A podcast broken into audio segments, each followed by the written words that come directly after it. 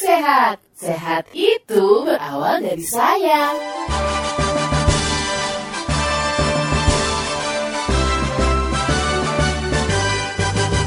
Gerakan masyarakat hidup sehat, bugar dan bermanfaat. Berpikir positif, hidup produktif untuk kesehatan kita. Rajin olahraga, gizi seimbang, rutin cek kesehatan. Selalu pelihara kebersihan demi Indonesia sehat. Ayo mulailah hidup sehat, awali dari kita. Selalu berkarya, terus semangat sehat.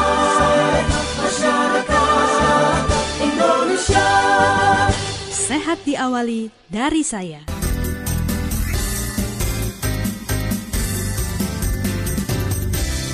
1440 AM Suara Edukasi yang akrab dan mencerdaskan. Senang sekali ya kembali lagi kita di setiap hari Selasa dua minggu sekali Di acara rubrik Sehat.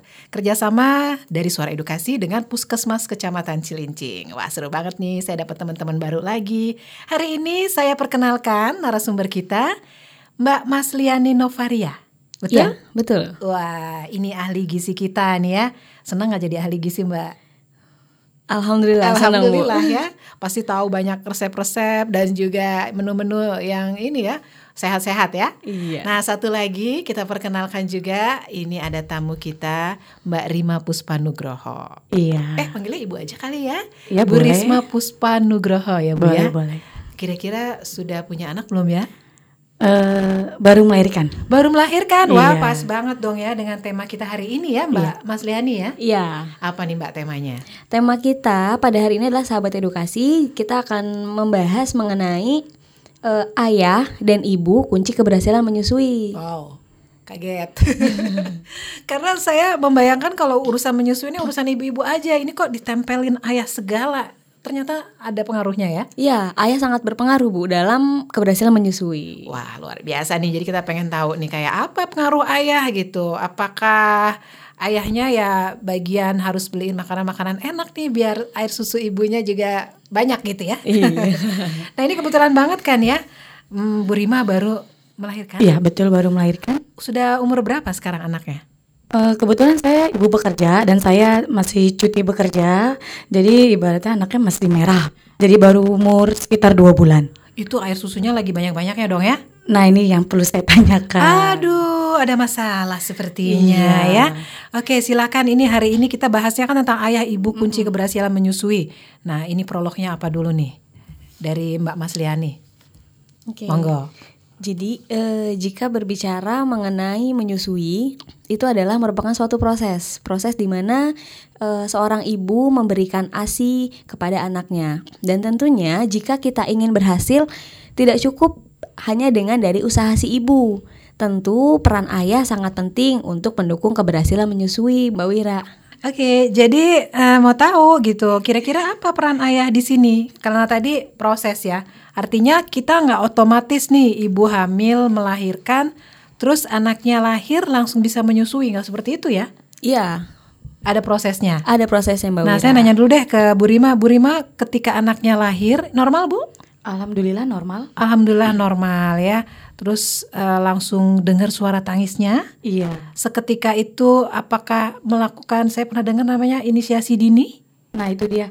Eh, kemarin sih waktu saya melahirkan eh, bidannya dari nakesnya itu bidannya memberikan bayi lahir procot tiba-tiba taruh di dada saya. Ya apakah itu IMD apa bukan itu yang masih saya perlu tanyakan di Balian ini. Iya pengertiannya Oke. apa tuh ya? Silakan Mbak Lia. Oke, nah untuk Bu Rima nih tadi kan menanyakan apakah yang proses yang dilakukan itu IMD atau tidak. Ya, jadi eh, pengerti- pengertian IMD itu sendiri adalah inisiasi menyusu dini, di mana itu merupakan proses eh, ketika bayi baru lahir itu ditempelkan di eh, badan ibu, dan badan ibu daerah eh, perut, perut. Oh perut. Iya di perut nanti dia dibiarkan sendiri, eh, dia dibiarkan sendiri untuk merayap. Oh, seperti diberikan insting sebetulnya ya. Iya, merayap Bu Rima kan. Eh, merayap dan dia bisa sampai ke dada ibu sampai akhirnya dia bisa menyusui, bisa bisa menyusu. Sudah diajak lomba 17-an baru lahir ya. itu jadi eh, ketika bayi baru dilahirkan dia Iya. biasa tidak dibersihkan karena eh, yang ada di tangannya dia ini adalah sebagai untuk eh, apa ya kita bilangnya kayak kompas gitu jadi penunjuk arah supaya dia bisa Bisa mendeteksi mendeteksi ibunya. ya mendeteksi Oh. payudara ibunya Gitu. Dan Jadi- itu selalu berhasil. itu bisa dilakukan dengan dukungan tentunya pertama jika seorang ibu melahirkan di fasilitas kesehatan gitu dan didukung oleh tenaga kesehatan itu sendiri. Oh, Gitu. jadi relatif ya, kesiapan tenaga kesehatannya dan fasilitasnya juga. Ya, dan alhamdulillah di Puskesmas Celincing kita kan punya ruang bersalin ya Mbak Wira, kita punya ruang bersalin di mana itu sangat mendukung eh mendukung ASI dengan cara melakukan IMD. Jadi setiap pasien yang lahir itu wajib di IMD. Wah, Seperti keren itu. banget. Seperti Jadi itu, ini calon Rima. ibu-ibu yang mau melahirkan di khususnya di Puskesmas Cilincing sudah tahu ya Sudah. bahwa nanti akan eh, melakukan proses IMD, IMD ini. itu sendiri. Sudah banyak disosialisasikan ya. Iya, seperti itu. Jadi kemarin berhasil nggak nih, Bu Rima? Berarti kemarin saya berhasil ya untuk IMD. Eh, untuk yang tadi bayi melahirkan langsung mulai m- belajar menyusui ya, dia mencari. Iya. Kemarin sih seperti itu.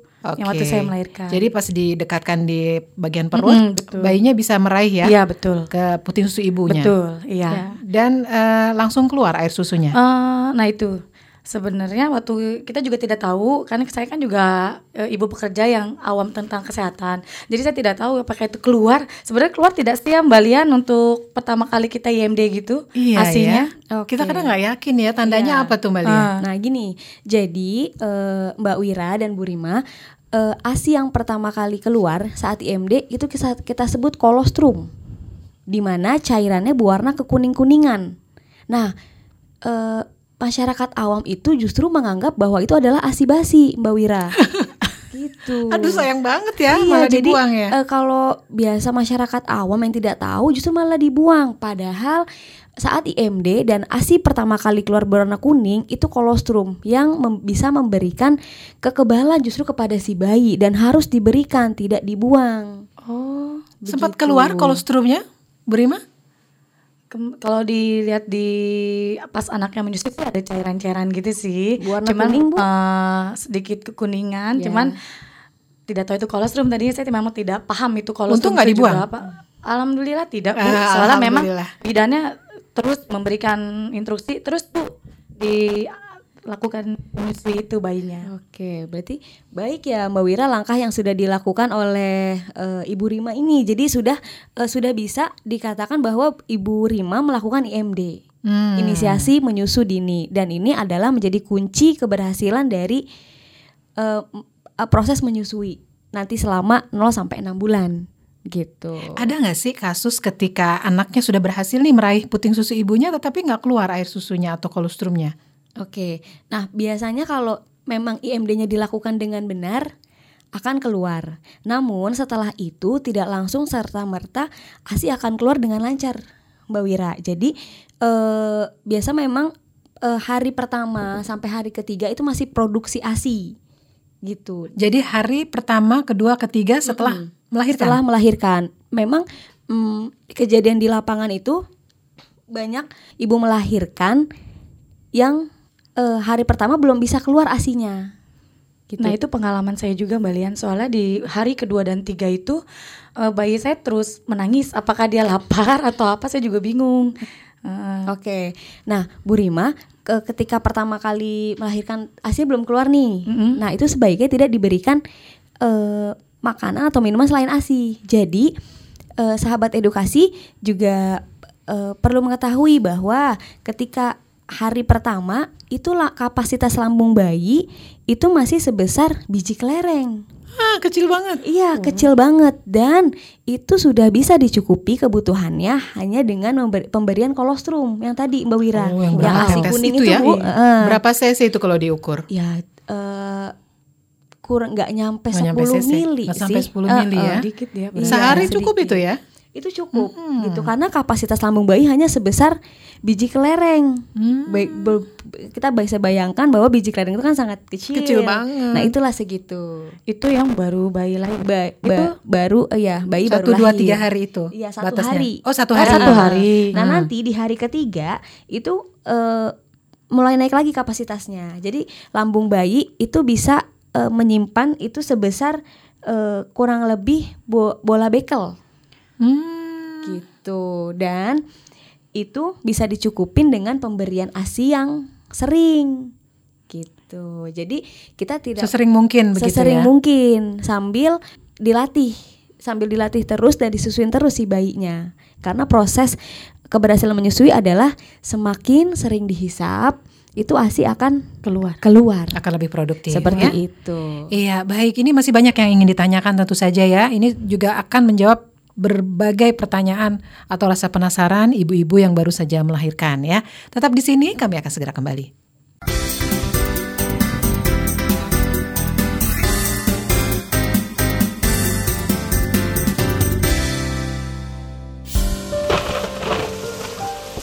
Sampai kapan kita neduh di sini?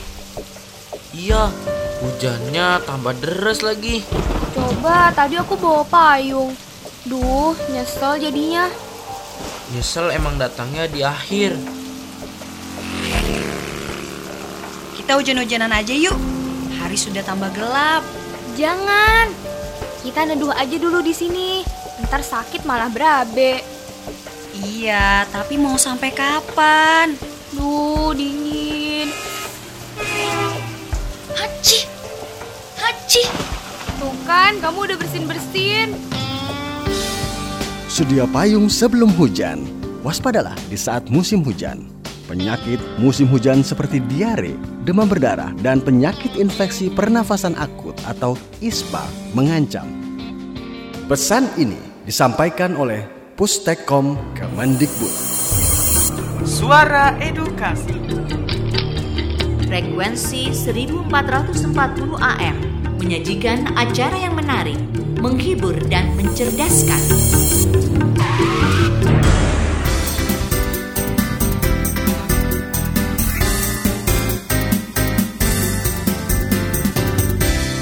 Kembali lagi di acara Rubrik Sehat bersama Suara Edukasi hasil kerjasama dengan Puskesmas Kecamatan Cilincing ya. Kita kembali lagi dengan narasumber kita dengan Mbak Masliani, Mbak Lia ya dan juga Ibu Rima Puspo Negoro. Puspo Nugroho. Tadi kita ngobrolnya sampai di bola bekel ya, Mbak ya. Iya, nah, bola sekarang bekel. kapasitasnya lambung bayinya bisa mekar lagi atau tidak? Oke, jadi eh, di hari ketiga eh, Mbak Wira tadi kan sampai di eh, lambung bayi itu ukurannya sebesar kurang lebih bola bekel, gitu. Jadi bisa dicukupin dengan pemberian ASI yang sering. Jadi dis- disusuin terus bayinya Bu Rima. Nah sampai hari ke 10 kapasitas lambung bayi ini akan sebesar bola pimpong. Seperti membesar itu, ya. semakin membesar karena dia harus terus bertumbuh dan bayi juga mempunyai cadangan lemak itu sampai lima hari. Sampai lima hari bayi mempunyai cadangan lemak. Jadi jika eh, bayi tidak diberikan ASI selama tiga hari itu sebenarnya bayi masih mempunyai cadangan makanan.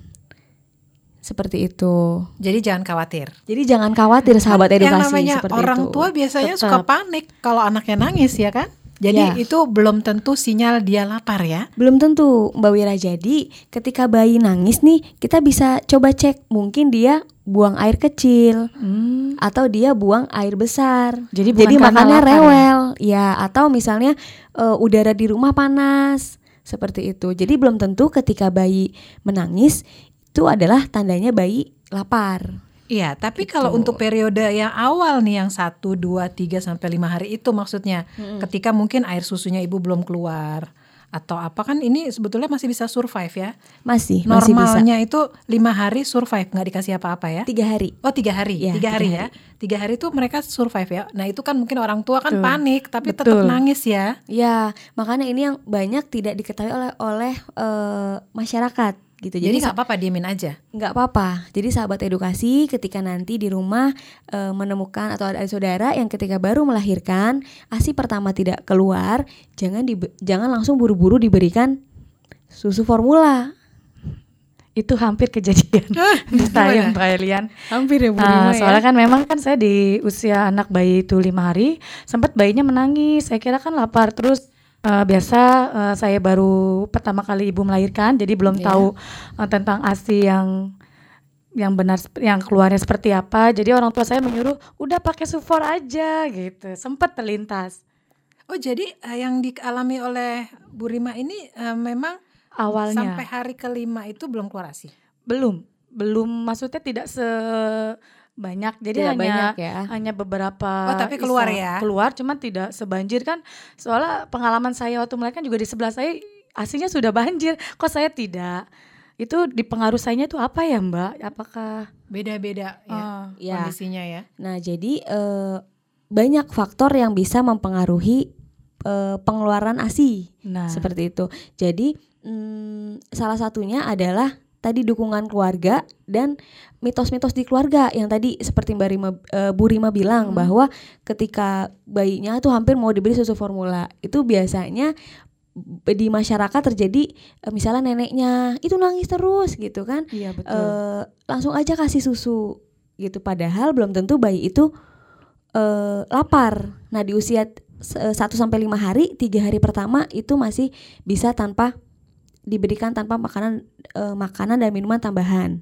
Sama sekali. sama sekali nah nanti di hari keempat dan hari kelima seperti yang Bu Rima alami asi itu sebenarnya keluar Bu tapi memang belum langsung Belum banyak proses. karena proses dan setiap orang pasti akan berbeda-beda tergantung dari eh, ketika menyusuin ini suasananya nyaman atau tidak Hmm. gitu dukungan dari suami Itu dari situ. keluarga ibunya dalam keadaan tertekan atau tidak Oh. seperti itu karena yang mempengaruhi proses eh, pengeluaran ASI ini adalah hormon oksitosin kita bilangnya hormon cinta oh hormon cinta Iya, jadi kalau si ibu menyusui itu banyak diberikan hormon cinta, ASI akan lebih banyak keluar.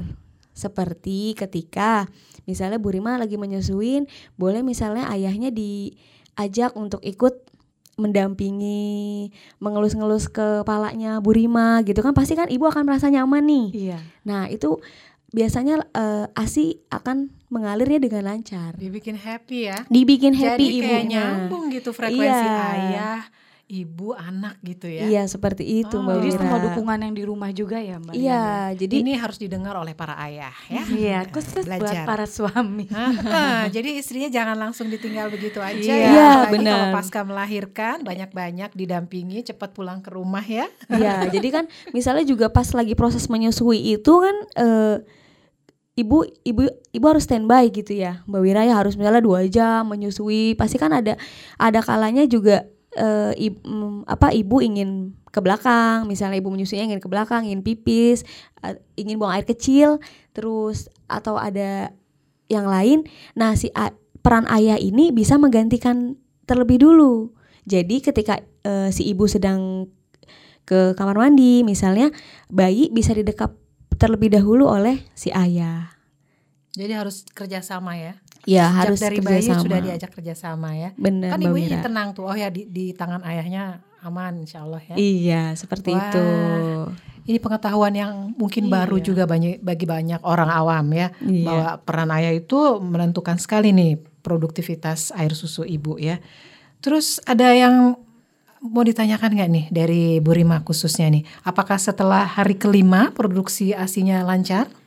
Eh, untuk hari selanjutnya sih lan- alhamdulillah lancar. Cuman yang pengen saya tanyakan eh, di kan kebetulan anak saya usia dua bulan ya, Mbak Lian. Iya. Boleh tidak sih eh, saya tambahkan makanan seperti Udah- udah biskuit? pengen buru-buru Soalnya kan ada yang, eh, ada yang diberikan pisang tambahan itu boleh tidak ya, Mbak Lian? Oke. Masih dua bulan ya? Eh, Padahal asi eksklusif iya tak. katanya enam bulan ya.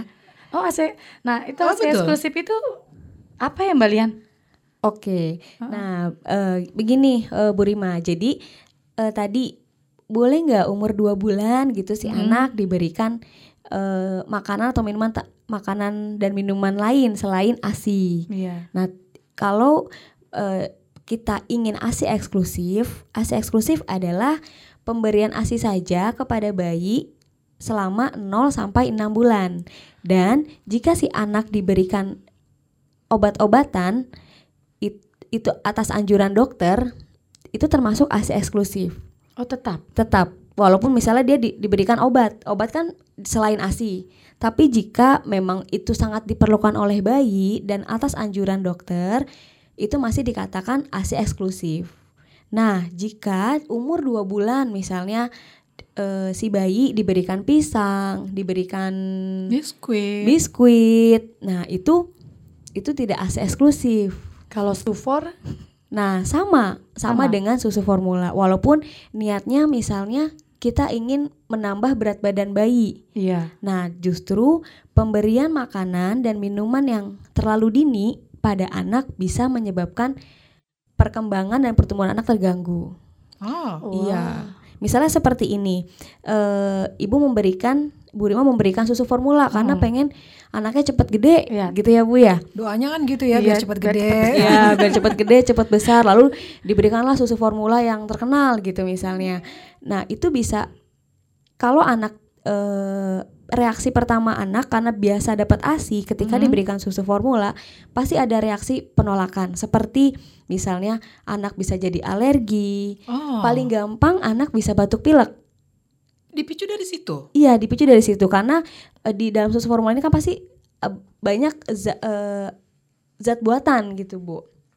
Yang bisa eh, apa namanya? Menimbulkan reaksi alergi menimbulkan tadi. reaksi alergi dan batuk pilek seperti itu. Jadi jika anak jika bayi sudah terkena batuk pilek nanti efeknya menyusunya akan kurang. Jika menyusunya kurang berat akan mengaruh ke berat badan. Berat badannya juga akan turun. Seperti itu. Jadi nggak usah terburu-buru karena ASI itu sendiri apalagi kalau produksinya lancar itu cukup. Walaupun bayinya Iya. nggak langsung besar banget tapi Iya. sehat, lebih sehat, Sehat, ya. iya. Oke, luar biasa ini pesannya ya. Jadi kalau kita semakin menyadari pasti kita nggak mau nih kehilangan momentum memberikan susu, air susu terbaik untuk anak kita ya. Iya. Bukan dari sapi tetapi dari air susu ibu Air susu sendiri. Ya, kami masih akan kembali lagi untuk segmen berikutnya tetap di acara Rubrik Sehat bersama Puskesmas Cilincing.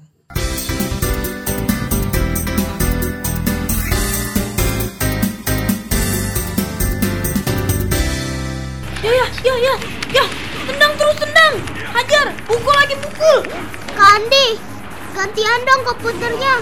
Mira mau mengerjakan tugas sekolah nih. Ah, nanti dulu. Lagi seru nih permainannya. Ih, kakak, tugasku kan lebih penting. Ya, ya, ya, ya tuh kan. Gara-gara kamu sih, jagoan kakak jadi kalah kan. Loh, kok jadi aku sih kak yang dimarahin? Aku bilang ibu loh. Ibu! Ada apa Mira? Ini bu, Kak Andi marah-marah. Benar begitu Andi. Habis Mira cerewet sekali sih, Bu. Mira kan mau pinjam komputernya buat mengerjakan tugas sekolah. Andi, bermain game online terlalu lama tidak baik bagi kesehatan mental kamu. Nah, sahabat edukasi, kita harus bijak dalam bermain. Jangan sampai permainan yang kita mainkan memengaruhi kesehatan mental kita. Iklan layanan masyarakat ini dipersembahkan oleh Pustekom Kemdikbud.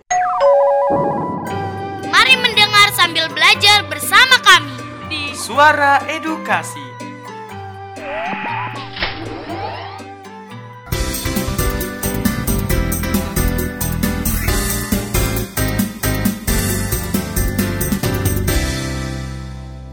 14.40 AM, suara edukasi yang akrab dan mencerdaskan. Jadi masih ngobrol-ngobrol bersama narasumber kita, Mbak Masliani Novaria, selaku ahli gizi dari Puskesmas Cilincing. Dan juga ada bintang tamu lainnya ya, dengan Ibu Rima Puspa Nugroho. Nah, kita bicara soal ASI, ini kan produksinya beda-beda ya. Iya. Kadang ada, ya itu banyak faktor. Kalau orang tuanya atau ibunya nggak rileks, jadi kan agak terhambat ya. Cuman saya sebelumnya mau nanya dulu deh, kalau misalnya seorang ibu yang baru saja melahirkan itu air susunya baru keluarnya tuh lebih dari lima hari ya akhirnya atau eh, ya itu anaknya kalau udah lebih lima hari nggak diberikan apa-apa kan khawatir juga ya Mau nggak mau kan mungkin diberikan susu formula.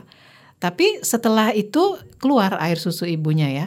Mm-mm. Nah, itu berarti sudah tidak termasuk eksklusif ya, karena sudah bercampur.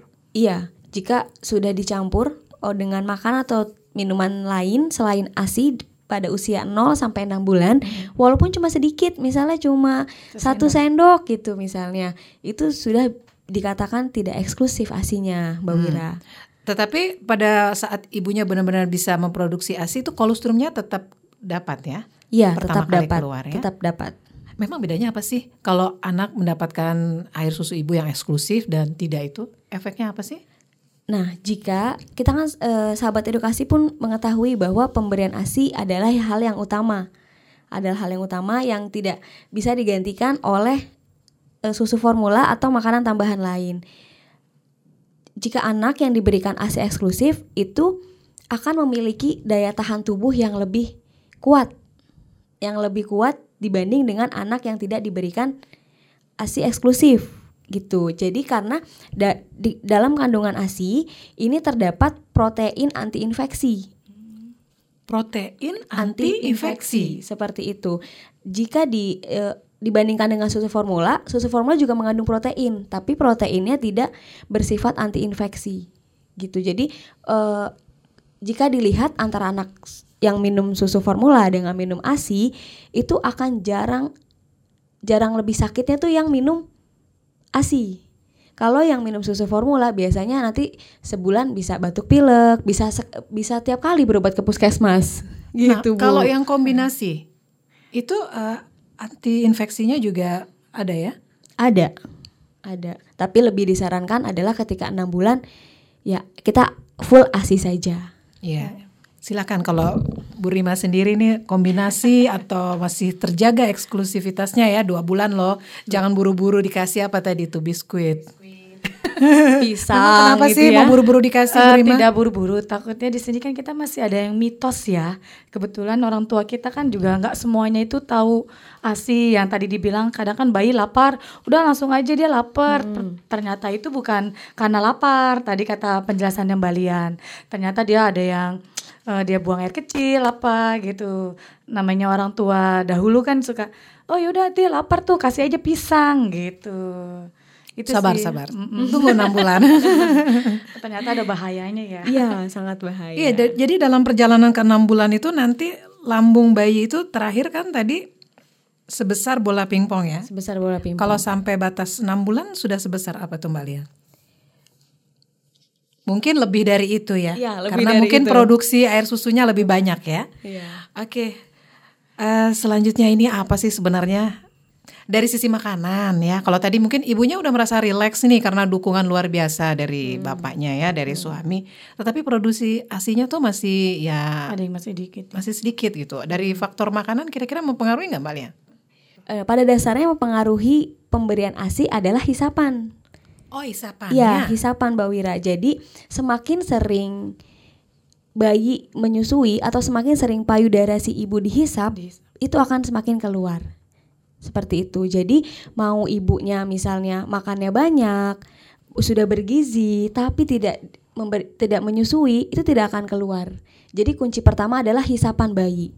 Semakin sering payudara dihisap oleh si ibu, itu ASI akan keluar Otomatis. otomatis walaupun misalnya eh, ibunya bisa dikatakan eh, makanannya eh, hanya nasi dan lauk pauk seperti itu. Misal bel- eh, belum menerapkan gizi seimbang setiap harinya. Gitu itu eh, asi masih bisa diproduksi. Jadi tergantung dari keaktifan hisapan bayi. Nah itu berarti rumus nomor satunya ya. ya semakin sering dihisap semakin sering ba- semakin banyak asi yang dihasilkan gitu. Ada lama waktunya nggak Mbak Lian untuk hisapan bayinya? Kalau lama waktunya tidak tergantung si bayinya. Nah ini Bu Rima tanda-tanda asi cukup karena kan sering kali si ibu merasa udah kenyang bu asinya nggak cukup makanya Oh. saya berikan Mhm. susu yang lain eh, saya berikan tambahan misalnya susu formula seperti itu nah jadi eh, tanda-tanda bayi asinya cukup itu yang pertama bayi tenang dan rileks jadi nggak rewel itu yang pertama terus yang kedua ketika bayi menyusu dia melepaskan putingnya sendiri. Oh. Ya, jadi ketika lagi proses menyusui Mhm. dan bayi sudah melepaskan puting ibu, itu tanda bahwa ASI cukup. Dan buang air kecilnya cukup. Jadi kalau dia usia satu hari, itu dia satu kali buang air kecil. Usia dua hari, dua kali buang air kecil. Dan seterusnya sampai usia tujuh hari, itu dia bisa enam kali per hari buang air kecilnya. Itu tanda bahwa ASI cukup. Dan tidak ada istilah bahwa ASI tidak cukup sebenarnya tergantung dari dukungan keluarga, tergantung dari pemberian ASI si ibu itu sendiri. Semakin sering disusuin akan semakin keluar. Jadi dihafalkan itu ya Ya. untuk beberapa hari pertama. Kok baru satu kali sih buang air kecilnya? Itu normal. Kita gitu. normal ya mbak. Kita Iya, banyak nggak ya ternyata ya. Oke, tadi kan Bu Rima cerita kalau ibu bekerja ya, hanya kebetulan masih cuti. Mm, Cutinya iya, berapa betul. lama? Cutinya kita dapat tiga bulan. Tiga bulan, alhamdulillah, ya. Alhamdulillah. Mudah-mudahan ini full bisa menyusui. Amin. Eh, kalau nanti masuk, Nah. nah, kira-kira gimana? kerja lagi ya. Itu dia Ah. yang kita bingung antara masih menyusui apakah sudah diberikan formula. Oke. Jadi minta tips and triknya dong, Mbak Lian gimana? Oke, jadi ini juga permasalahan yang sering terjadi nih, Bu Rima dan Mbak Wira. Ketika ibu sudah bekerja, itu biasanya akan mengganggu pemberian asinya. Nah, pada dasarnya adalah setiap ibu bekerja masih bisa memberikan full asi eksklusif terhadap anak. Caranya seperti apa? Itu bisa dengan kita eh, Pumping. pumping. Ya, kita bilang bahasa sekarang pumping. Kita pumping dulu asinya, lalu kita simpan asinya. Gitu kita simpan dan e, diberikan kepada bayi itu dengan cara diberikan lewat sendok atau lewat botol. Tapi bukan dot. Gitu. Bukan dot. Bukan dot. Jadi bisa e, mohon maaf bukan botol tapi bisa dengan pemberian cangkir, le- lewat cangkir, pipet dan sendok. Jadi tidak langsung diberikan dengan botol Dot karet botol gitu. susu. iya. Kenapa ya? Karena nantinya dia akan bingung puting. Oh, gitu. Jadi kan Oh. bentuk dot ini sama dengan bentuk payudara. Kurang lebih eh, hampir mirip kan yang dotnya itu dengan puting. Jadi ketika anak diberikan dot itu dia bisa terjadi bingung puting. Gitu. Jadi Efeknya? efeknya nanti anak akan menyusuinya akan ber- menyusunya akan berkurang kepada ibunya. Karena Dilema. karena biasa enak langsung dot gitu kan kalau Iya, dot tinggal di lep gitu dia Lancar. lancar. Tapi kan kalau misalnya eh, puting ketika dia masuk Proses alami dulu ya. iya ada prosesnya dulu. Jadi nggak langsung keluar gitu. Sejauh itu ya Iya, dampaknya sejauh ya. itu. Ini lama-lama nggak ada produksi ini lagi nih pabrik dot. Oke, luar biasa ya. Ternyata efeknya seperti itu. Nah, sama mungkin bisa tambahan untuk penyimpanan ASI ya. Oh iya. Ya, Betul. Kalau ASI yang baru kita pumping, itu kita bisa simpan di suhu ruang. Jadi nggak di dalam pendi- lemari pendingin, itu bisa tahan 6 sampai 8 jam. Seperti itu. Jadi nggak usah buru-buru taruh kulkas ya. Iya. Jadi misalnya eh, Bu Rima pagi Pumping. pumping gitu misalnya, terus jam 7 atau jam setengah 8 harus berangkat kerja. Nah, itu kan eh, masih ada jeda waktu. Jika 6 sampai 8 jam ditaruh di suhu ruang, itu bisa diberikan langsung kepada bayi. Seperti itu. Disuapin ya Bu ya. Iya. Ingat jangan lupa Ya, disuapin. dengan sendok, dengan pipet dan dengan cangkir agar bayi tidak bingung puting. Jadi tidak itu. dianjurkan dot ya. Tidak, sebaiknya tidak. Hmm. Tuh, dan itu tadi yang kalau disimpan di suhu, Suhu ruang, ruang. 6 sampai 8 jam. Jika as, eh, asinya disimpan di dalam Freezer. lemari pendingin atau yang freezer itu bisa eh, bertahannya 14 hari. Gitu. Jadi di suhu yang minus 15 derajat itu ASI bisa eh, bertahan 14 hari. Dua minggu ya. Dua minggu. Harus dikasih tanggal Bu. Oh jadi hanya dua minggu saja ya, Iya. Mbak Lian? Ya, nah kalau di suhu yang di bawahnya tuh, yang di bawahnya freezer chiller ya. Mhm. Chiller itu tuj- 72 jam atau 12 jam. Tujuh- Seperti itu. 12 sampai 72 jam. Iya. Oke. Nah, itu kalau sudah sempat disimpan di lemari pendingin, proses pemberiannya bagaimana? Oke, nah jadi jika ASI perah yang dari lemari pendingin itu kita bisa dikeluarkan dulu dari lemari pendingin, lalu dimasukkan ke dalam gelas, gelas kaca, direndam di dalam mangkuk berisi air hangat. Jadi kita direndam gitu ya? Iya, kita rendam dulu pakai air hangat. Jadi nggak langsung da dalam di atas kompor. Hmm. Ya, jadi tidak dimasak hangat kuku ya? Tidak dimasak asinya, tapi yang dari lemari pendingin, misalnya kan kita taruh dalam kantong, kantong asi. Nah itu ditaruh dulu di mangkuk, mangkuknya dikasih air hangat. Hmm. Seperti itu. Jadi itu untuk eh, cara pemberian asi atau cara menggunakan asi yang baru disimpan di freezer. Kalau misalnya asinya nggak habis gitu, itu boleh disimpan lagi nggak? Kalau misalnya tidak habis ya sekali tidak pemberian. habis sekali pemberian, sebaiknya tidak Langsung diganti langsung saja diganti ya? saja karena eh, sudah pasti itu sudah tercampur dengan Udara, segala iya, macam dengan ya? udara gitu. Jadi takut khawatir bayi bisa diare malah timbulnya. Seperti Sudah itu. latihan pumping? Belum. Bu Rima? Belum, Mbak. Iya nih, idealnya bagaimana nih kalau Iya. mau proses pumping? Mm-mm. Supaya uh, Bu Rima juga ada pengalaman ya? Iya, jadi mungkin eh, Bu Rima bisa pumping dengan cara pumping ala yang lebih banyak keluar asinya itu adalah dengan cara pump- pumping alami. Jadi dengan menggunakan tangan langsung Tidak pakai alat. Tidak pakai alat itu merangsang karena lebih merangsang pengeluaran ASI dan cara pumpingnya adalah tangan kita itu membentuk huruf huruf huruf C. Huruf C. Iya, huruf C. Jadi dari dari Arah. belak- arah belakang didorong ke depan. Itu cara pumping yang yang baik. Tapi kalau misalnya ibu terkait waktu terkait kerja ya. waktu ya Bu ya, terkait waktu bisa dengan alat pumping yang sekarang tuh yang lagi ya, Elektrik. elektrik ya pumping elektrik yang bisa dibawa ke mana-mana gitu jadi sambil ibu Rima input data atau sambil bekerja tetap bisa tetap bisa produksi asi gitu Tetap nyambung ya Tetap. frekuensinya dengan bayinya. Dan jangan lupa soal itu tadi ya steril ya, harus semuanya serba steril ya, ya. benar itu eh, kunci paling penting juga Pokoknya ibu tuh tangannya harus dijaga kalau perlu ke mana-mana bawa alkohol ya. Iya, jadi sebelum baiknya sebelum memberikan ASI atau sebelum menyiap- menyiapkan ASI memang kita harus cuci tangan. Cuci tangan dengan sabun dan air mengalir.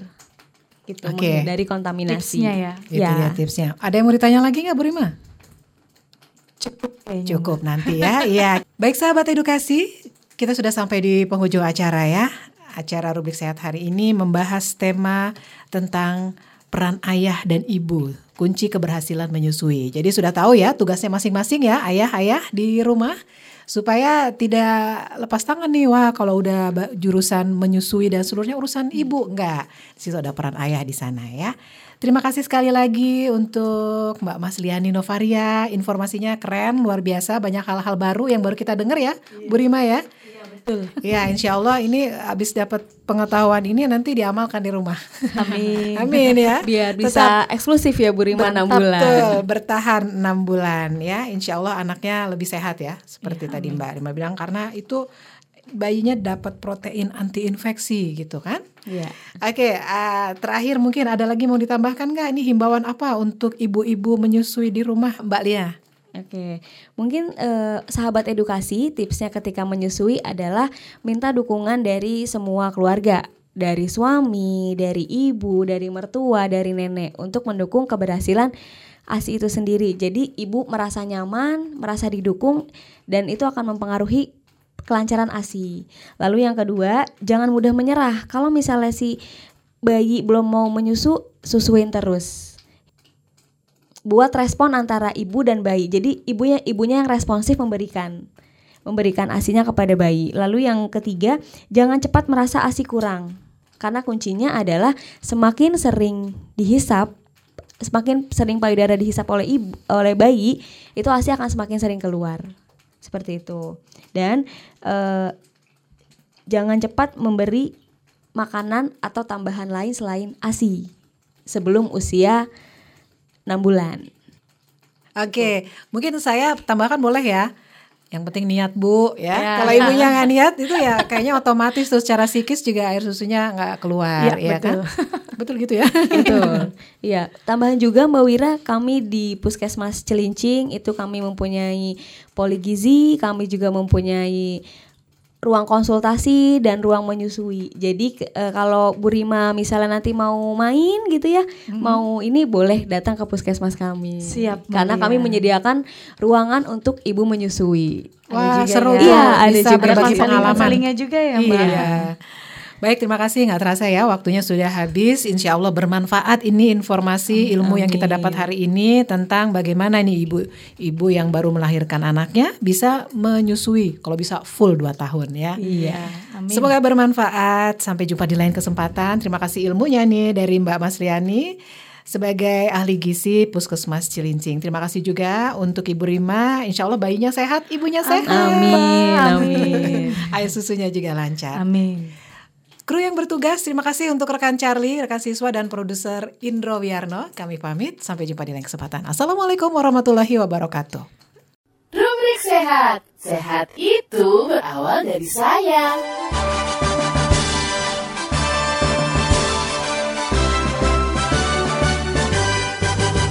Gerakan masyarakat hidup sehat, bugar dan bermanfaat. Berpikir positif, hidup produktif untuk kesehatan kita. Rajin olahraga, konsumsi gizi seimbang, rutin cek kesehatan. Selalu pelihara kebersihan demi Indonesia sehat. Ayo mulailah hidup sehat, awali dari kita. Selalu berkarya, terus semangat sehat. Masyarakat Indonesia. Sehat diawali dari saya.